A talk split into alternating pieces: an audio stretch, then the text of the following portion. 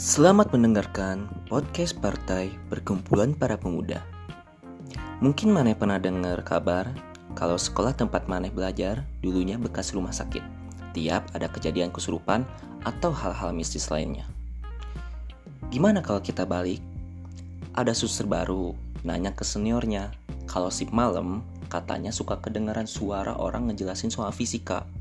Terus kata seniornya, oh Katanya rumah sakit ini dulunya tuh sekolahan, sekitar 30 tahun yang lalu lah.